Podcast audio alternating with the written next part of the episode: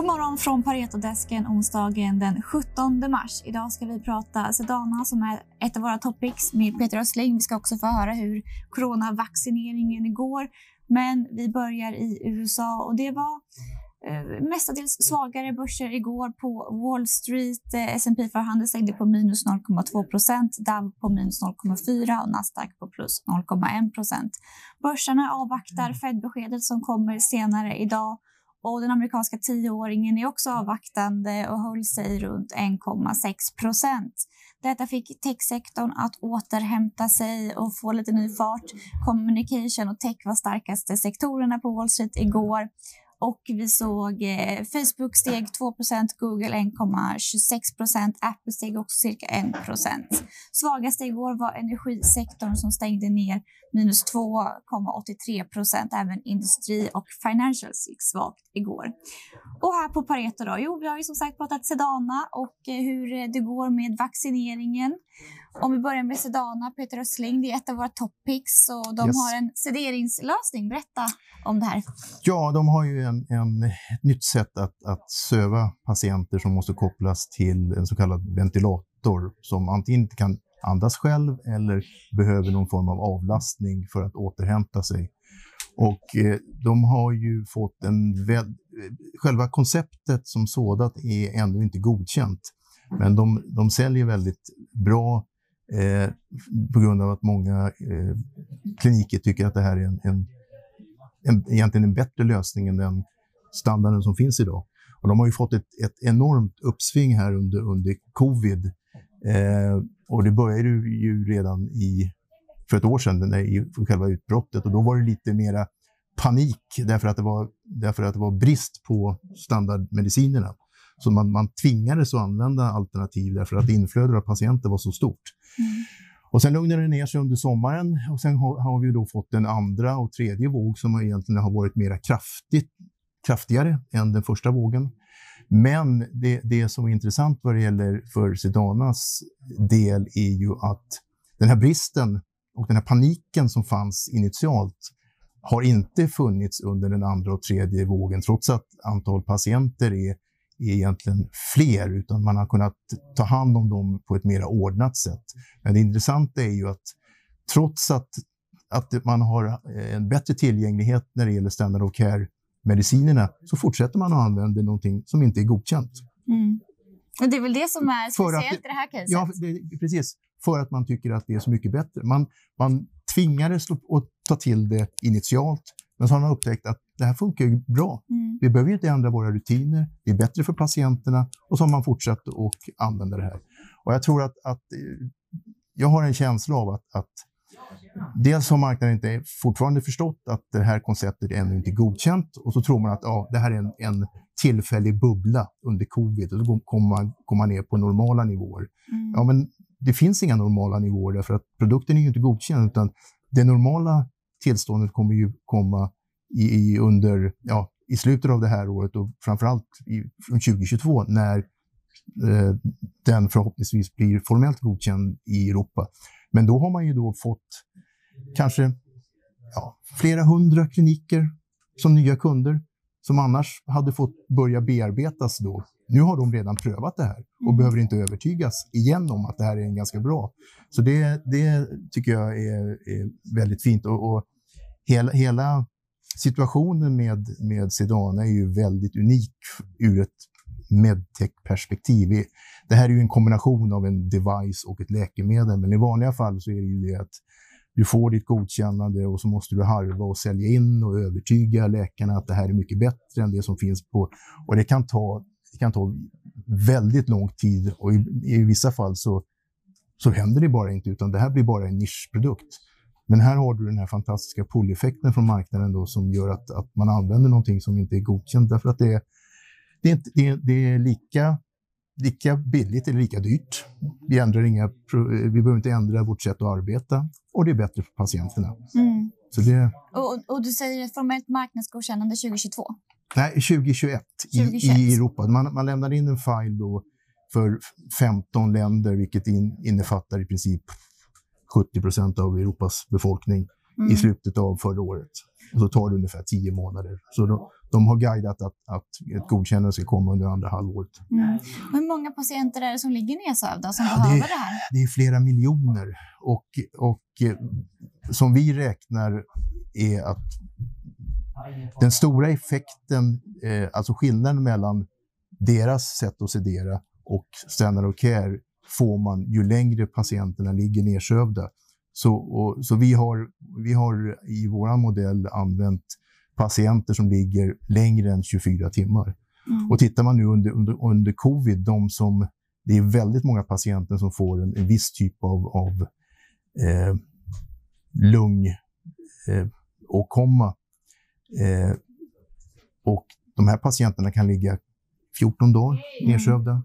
Så du ser ljus på det här caset med andra ord?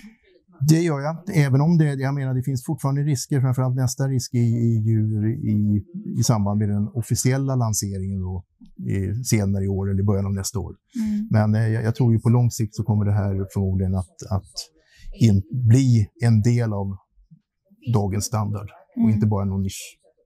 Om vi lämnar eh, Sedana Om vi lämnar Sedana bakom oss då mm. och pratar lite om eh, coronavaccinationen som pågår över hela världen. Hur ser det ut där, Peter?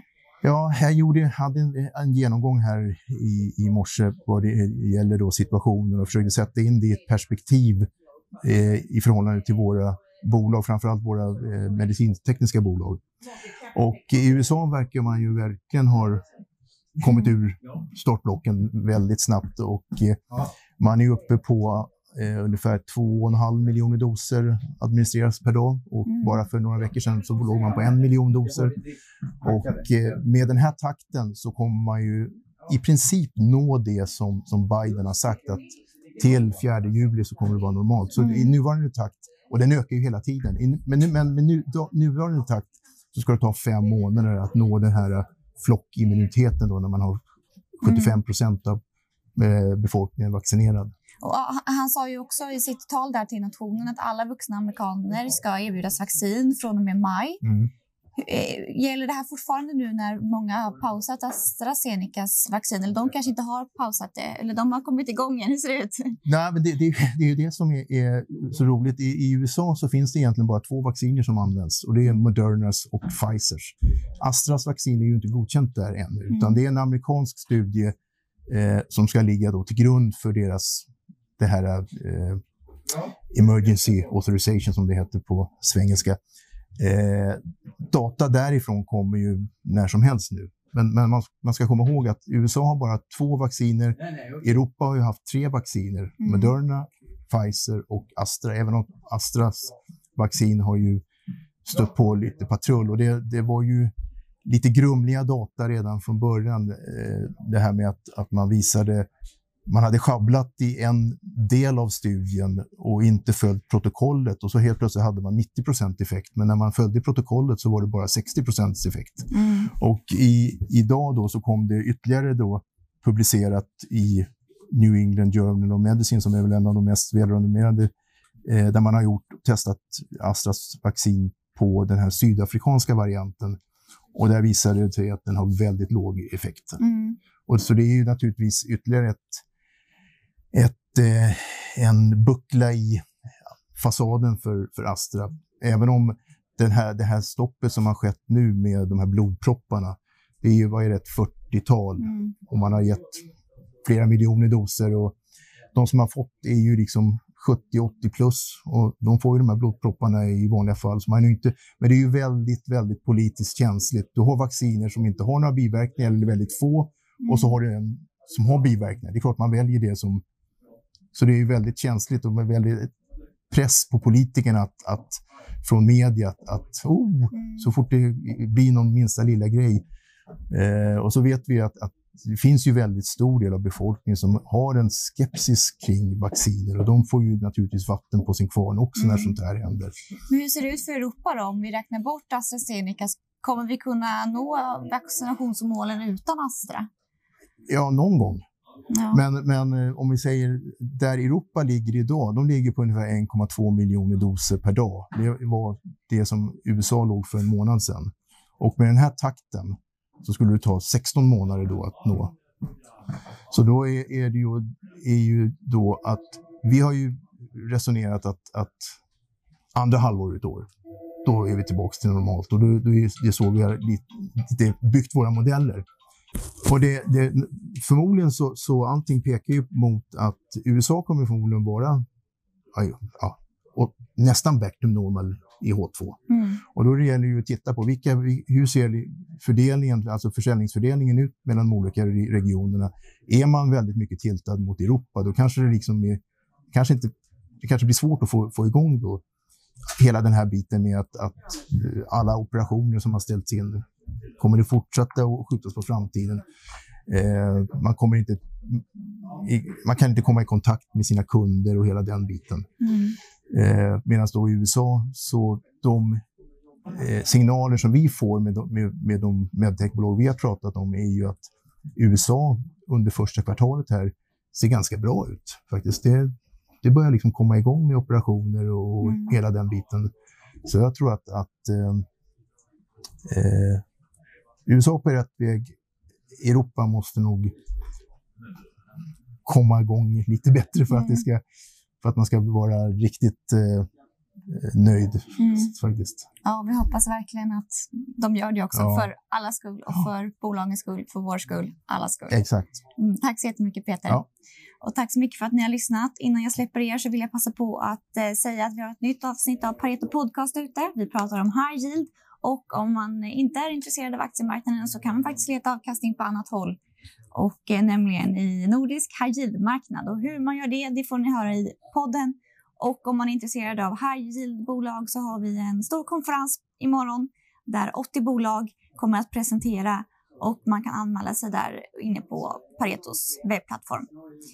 Gör det och annars får ni ha en bra onsdag. Tack så mycket.